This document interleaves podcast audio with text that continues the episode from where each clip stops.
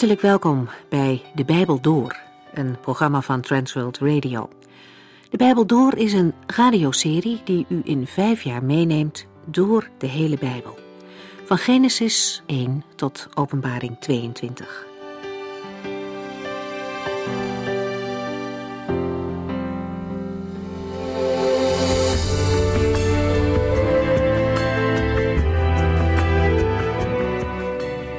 Na eerst een korte terugblik gaan we vandaag verder met Matthäus hoofdstuk 20. Op een dag kwam er een jonge man bij Jezus. Een rijke man die goed leefde. En toch ging hij er niet zomaar vanuit dat het met hem wel goed zou komen. Hij stelde Jezus de vraag: Heer, wat moet ik doen om eeuwig leven te krijgen?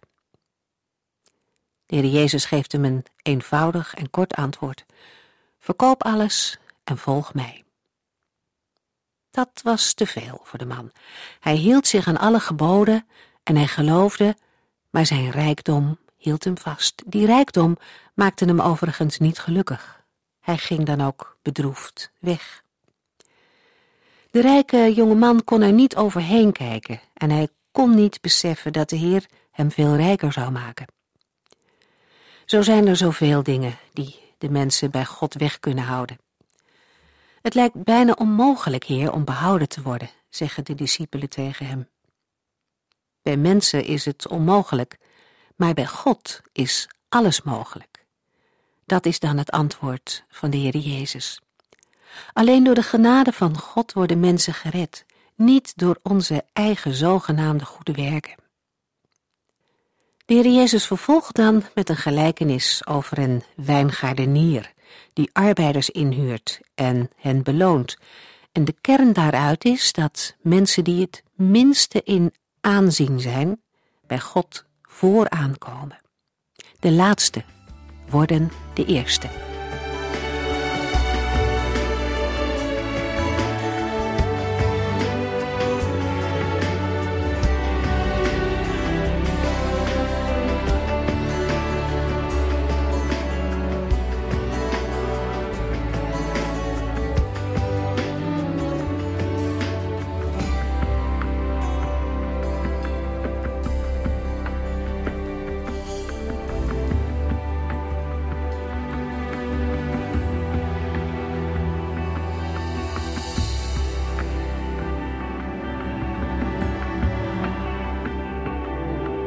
In de vorige uitzending zagen we dat de moeder van Jacobus en Johannes met een vraag bij de Heer Jezus kwam.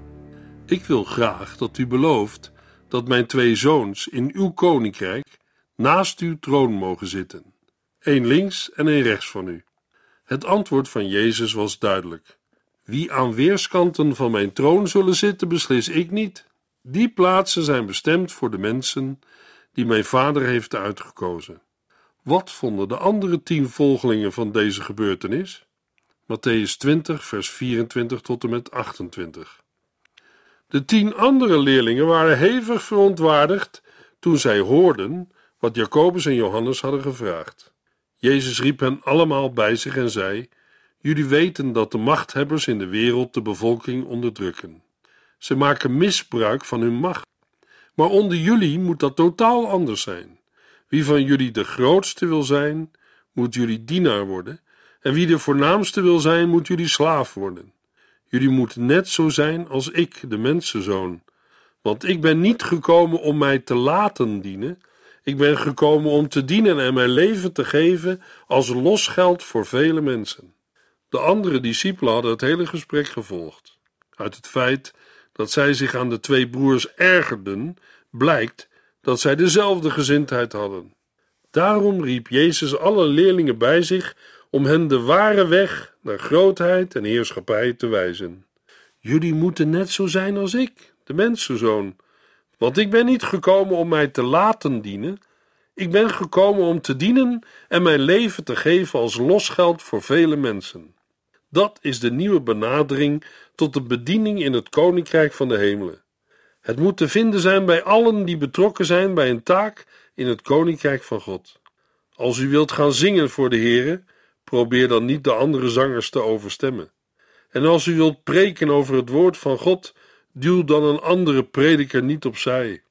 Als u in de kerk mag dienen, doe het dan niet ten koste van iemand anders. De Heer Jezus laat zien dat de weg breed is en dat de manier waarop u Hem wilt dienen begint bij de onderste plaats. Dat dienaars de onderste weg moeten gaan. Jezus sprak deze woorden toen Hij en zijn discipelen Jeruzalem naderden. Daarmee getuigde Jezus dat Hij de leidende knecht van de Here uit Jesaja 53 is. Weer kondigde hij daarmee zijn naderende dood aan.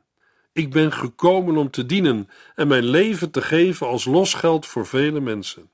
Daarvoor kwam de Heer Jezus naar deze wereld. Dat was zijn opdracht. Matthäus 20, vers 29. Toen Jezus en zijn leerlingen de stad Jericho verlieten, volgden heel veel mensen hen. Hier blijkt dat Jezus niet meer in Perea is. Hij is de Jordaan overgestoken en staat op het punt Jericho te verlaten. Over het bezoek aan Jericho wordt verder niets verteld. Er was veel volk op weg naar het paasfeest in Jeruzalem. Jericho was voor deze pelgrims de laatste onderbreking van de reis en daarom waren er ook veel mensen in de stad. Heel veel mensen volgden hen. Vanaf Matthäus 14 lazen we steeds dat de heiland probeerde met zijn leerlingen alleen te zijn. Voor het laatst hebben we dat gelezen in Matthäus 20. Nu zien we de Heere weer vergezeld van heel veel mensen. Een moeilijkheid in vers 29 is dat Lucas schrijft dat de genezing plaatsvond toen Jezus Jericho naderde. Lucas 18 vers 35. Terwijl Matthäus en Marcus zeggen dat dit gebeurde toen Jezus de stad verliet. Er zijn verschillende oplossingen voor dit probleem voorgesteld. Een van de oplossingen gaat uit van het verschillend gebruik van de stadsnaam Jericho. Matthäus en Marcus zouden spreken over het oude Jericho, maar Lucas over het nieuwe. Dat was door Herodes de Grote ten zuiden van de oude stad Jericho gebouwd. De ontmoeting zou dan hebben plaatsgevonden tussen het oude en het nieuwe Jericho. Een andere oplossing is dat Jezus zonder oponthoud door Jericho is getrokken. Lucas 19, vers 1. Omdat er geen onderdak voor hem gevonden kon worden. Lucas 19, vers 5. Toen hij aan de andere kant van de stad kwam, ontmoette hij daar Zacchaeus en ging met hem mee naar huis. Lucas 19. Matthäus 20, vers 30 tot en met 34. Langs de weg zaten twee blinde mannen. Zodra zij hoorden dat Jezus voorbij ging, begonnen zij te roepen: Heere, zoon van David, heb medelijden met ons.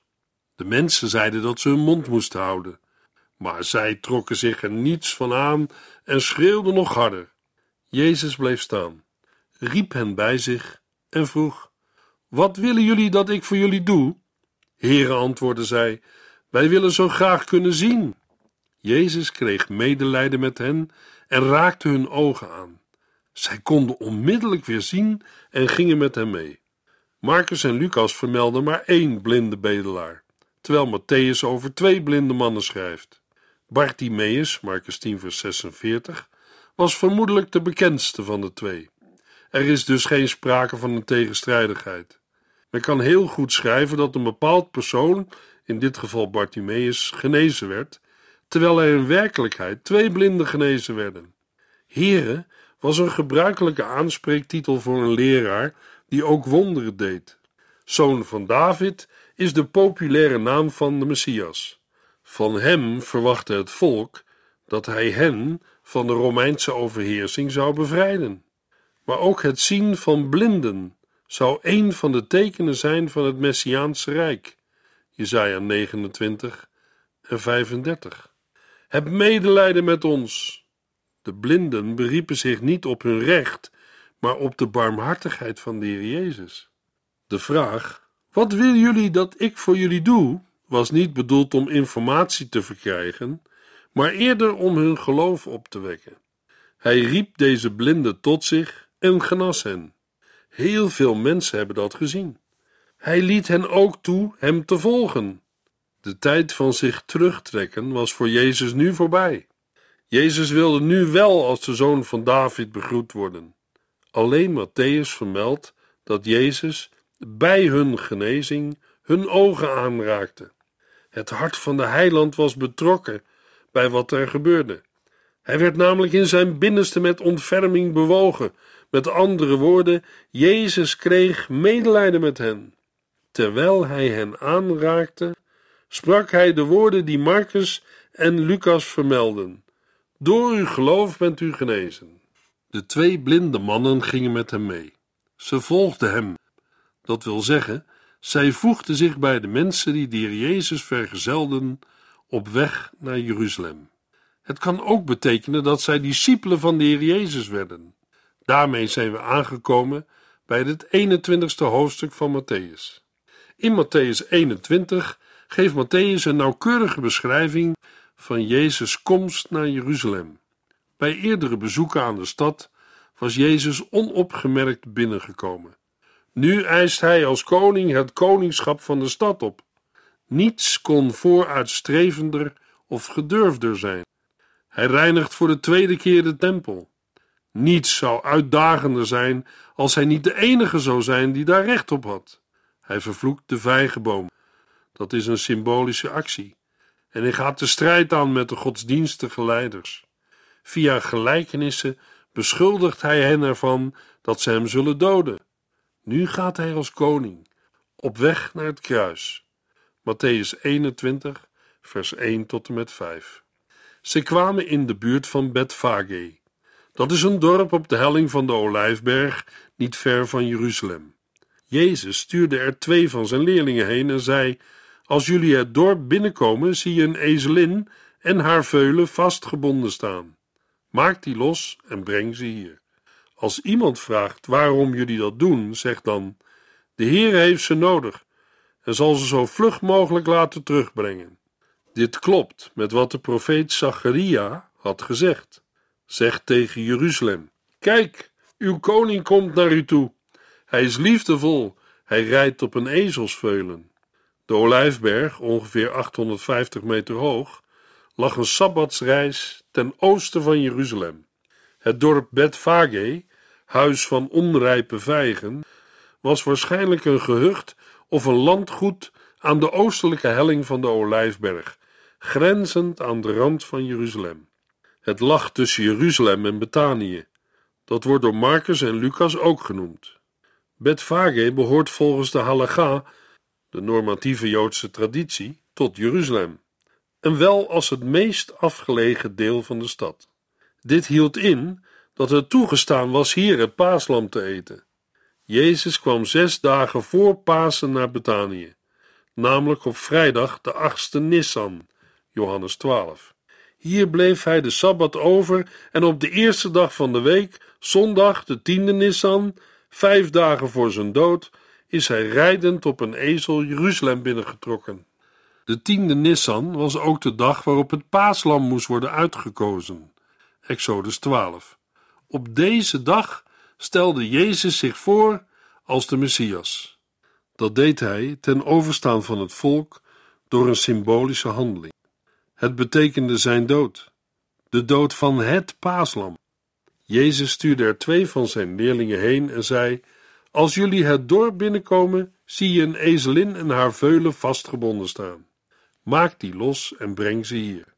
Als iemand vraagt waarom jullie dat doen, zeg dan: De Heer heeft ze nodig en zal ze zo vlug mogelijk laten terugbrengen.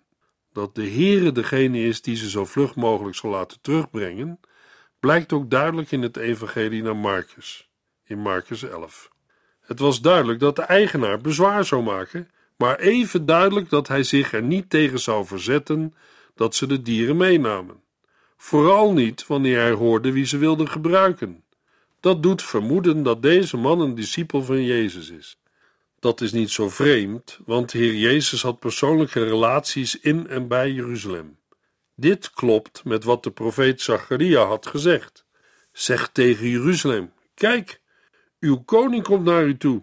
Hij is liefdevol, hij rijdt op een ezelsveulen. Dit is een bevestiging van wat de profeet Zacharia zei.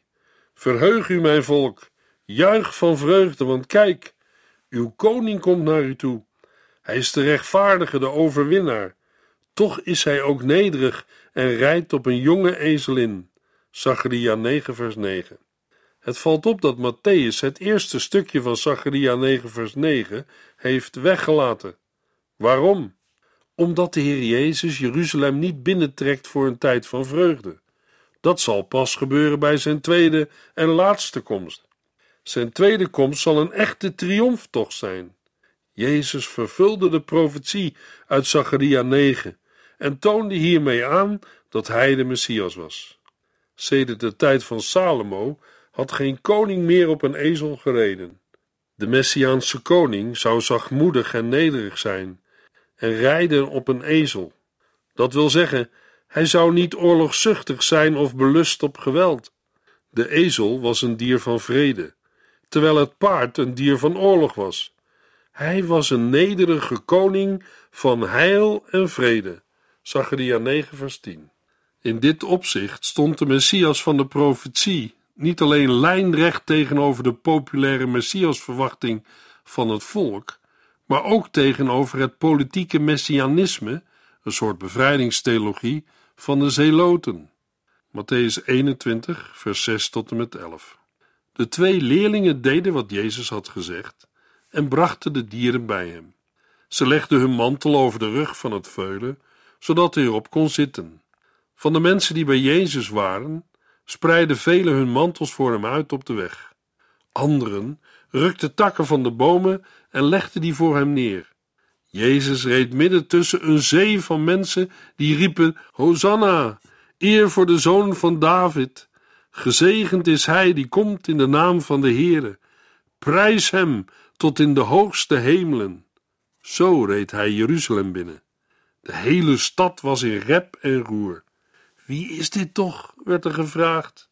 De mensen die met Jezus waren meegekomen antwoordden: Dit is Jezus, de profeet uit Nazareth in Galilea. Beide dieren werden in eerste instantie door de discipelen met klederen gezadeld. Maar er staat niet dat Jezus op twee dieren tegelijk reed, maar dat hij op de klederen ging zitten die op het veulen lagen. Marcus 11, vers 7. Jezus reed op een ezelsveulen, dit in tegenstelling tot paarden, wagens en ander oorlogsmateriaal, Zacharia 9, vers 10, waarmee koningen pronken en oorlog voeren. Deze koning kenmerkt zich door het rijden op een ezelsveulen, het eenvoudige rijdier van de vredestijd. De Messias is niet trots op eigen macht, maar is een nederig heerser die op God vertrouwt. Onder de schare die hier genoemd wordt, bevonden zich pelgrims uit Galilea en Perea, maar eveneens volk uit de stad. Het uitspreiden van kleren en takken op de weg was een spontane huldiging die zij de Heer Jezus gaven. Deze huldiging getuigde ervan dat men hem als een koning beschouwde en was tegelijkertijd een teken van onderdanigheid. De hele intocht werd een messiaanse belijdenis. Vanaf de Olijfberg, vers 1, zou de heerlijkheid des Heren baan breken. Zacharia 14. Het Hosanna roepen komt voor in de zogenaamde Hallel-psalmen, die met name tijdens het paasfeest werden gezongen. Dat blijkt ook uit Matthäus 26, vers 30, waar ze lofzangen worden genoemd. Het woord Hosanna was oorspronkelijk een smeekbede om hulp en verlossing, vaak gericht tot een koning, maar ook tot God. Tijdens het Loofhuttenfeest was men gewoon op elk van de zeven dagen naast de andere ook Psalm 118, vers 25, Hosanna te roepen en te zingen, terwijl men om het brandofferaltaar liep met palmtakken in de handen.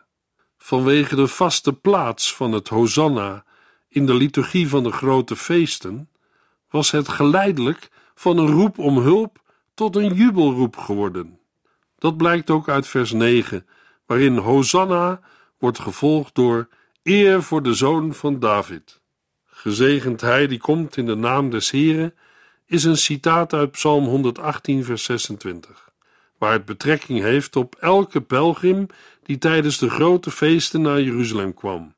Maar het werd later steeds meer toegepast op en beperkt tot de komst van de Messias. In het prijs hem tot in de hoogste hemelen worden ook de engelen opgeroepen een loflied aan te heffen. De menigte die Jezus volgde, jubelde en gaf lof en eer aan hem die als de zoon van David, als de Messias, de beloften voor Israël kwam vervullen. Alleen Matthäus vermeldt de geestdriftige stemming die er heerste bij Jezus' intocht in Jeruzalem. De hele stad was in rep en roer.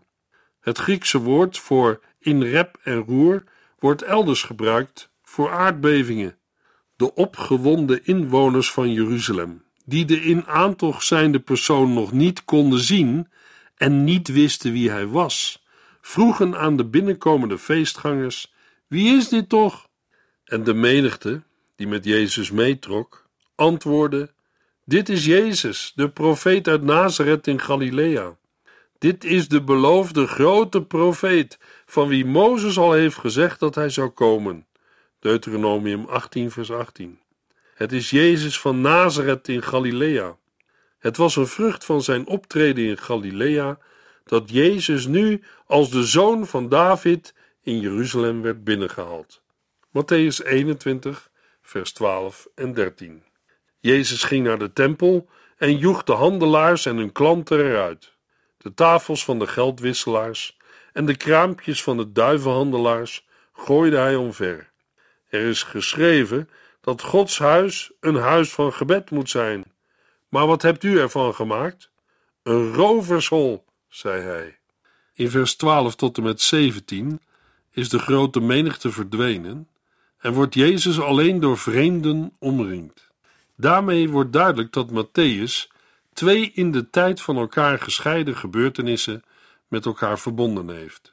Vermoedelijk gebeurde wat nu verteld wordt op maandagmorgen na de vervloeking van de vijgenboom in Marcus 11. De Heer Jezus heeft de tempel twee keer gereinigd. De eerste keer wordt vermeld in Johannes 2. Daar gebeurde het aan het begin van het openbare optreden van de Heer Jezus. De tweede reiniging, die Matthäus beschrijft, is een beeld van het oordeel over het Joodse volk. De handel in de voorhof stond in verband met de offerdienst en de tempelbelasting. Elke Joodse man en vrouw moest tegen Pasen een halve sikkel tempelbelasting betalen. Er waren wisselaars, omdat de feestgangers uit allerlei landen binnenstroomden en er ook met munten uit allerlei landen werd betaald. De handelaars verkochten benodigdheden voor de offers, dieren, wijn, olie, zout enzovoort. De armen, die geen middelen hadden om een groter dier te offeren, mochten voor hun reiniging een duif offeren. Jezus noemt de tempel een huis van gebed. Maar wat hebt u ervan gemaakt? Een rovershol. De Heere haalt hier Jesaja 56 vers 7 en Jeremia 7 vers 11 aan. Het aanbidden werd niet zozeer onmogelijk gemaakt door het lawaai, maar de waardigheid van de tempel werd aangetast door de handel. Een rovershol is niet een plaats waar gestolen wordt, maar een verblijfplaats van rovers. Uit het aanhalen van de profetische woorden uit Jesaja en Jeremia en daarnaast het optreden van Jezus in het algemeen blijkt dat de tempelreiniging geen revolutionaire actie was. Trouwens, dan zou de tempelwacht hebben ingegrepen. Het was een profetische demonstratie, een tekenhandeling, waarmee de Heer Jezus de priesterklasse het oordeel aanzegde. Waarom? Zij misbruikten hun beroep ten gunste van de handel en het eigen voordeel. Als we alles nog eens op een rijtje zetten en de feiten uit de evangelie met elkaar vergelijken, dan krijgen we een samengesteld beeld. De conclusie kan dan zijn dat de Heer niet op één dag de stad binnenkwam, maar op drie afzonderlijke dagen. De eerste dag was op de zaterdag, de sabbatdag. Er waren toen geen geldwisselaars. De Heere keek toen rond en vertrok weer. Marcus 11, vers 11. Zo reed hij Jeruzalem binnen. Hij ging naar de tempel en bekeek daar alles. Daarna vertrok hij met zijn twaalf leerlingen naar Betanië. We kunnen zeggen, toen kwam hij als priester. De tweede dag kwam hij Jeruzalem binnen op zondag, de eerste dag van de week. Toen waren er de geldwisselaars. En hij reinigde de tempel. Matthäus 21, vers 12 en 13. Toen kwam hij als koning. De derde dag kwam Jezus op maandag Jeruzalem binnen, de tweede dag van de week. Toen treurde hij over de stad en ging de tempel binnen en gaf onderwijs en genas. Lucas 19, vers 41 tot en met 48. Op die dag kwam hij als profeet. Als we de drie verslagen van Matthäus, Marcus en Lucas vergelijken, wordt het duidelijk dat er mogelijk drie afzonderlijke dagen van het binnengaan van Jeruzalem waren. In drie verschillende hoedanigheden: als priester, als koning en als profeet. Aan het einde van elke dag trok hij zich terug in Betanië. Daarmee heeft de Heer geen enkele nacht in Jeruzalem doorgebracht, totdat hij werd gearresteerd. De eerste keer eindigde zijn zegevierende intocht aan het kruis. Maar hij zal voor de tweede en laatste keer zegevierend komen. De schrijver van Hebreeën vat het samen. Hebreeën 9, vers 28. Zeker zal Christus, nu hij eenmaal gestorven is om de zonde van vele mensen weg te nemen, nogmaals verschijnen. Nu niet om de zonde weg te nemen, maar om ieder te redden die verlangend naar hem uitziet.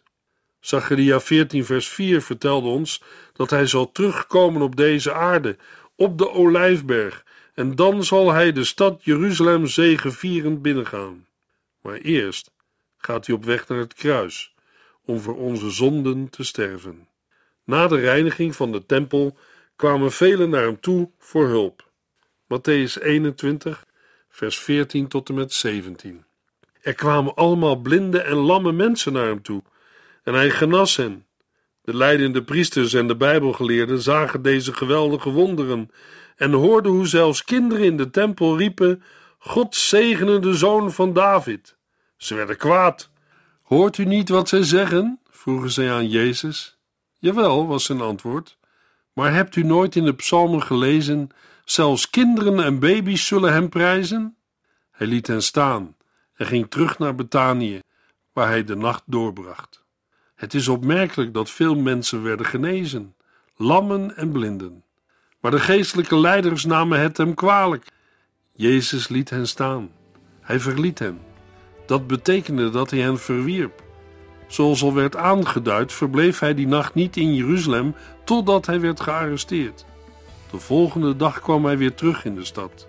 En Lucas benadrukt dat het de derde en de laatste binnenkomst in de stad is. Maar daarover meer in de volgende uitzending.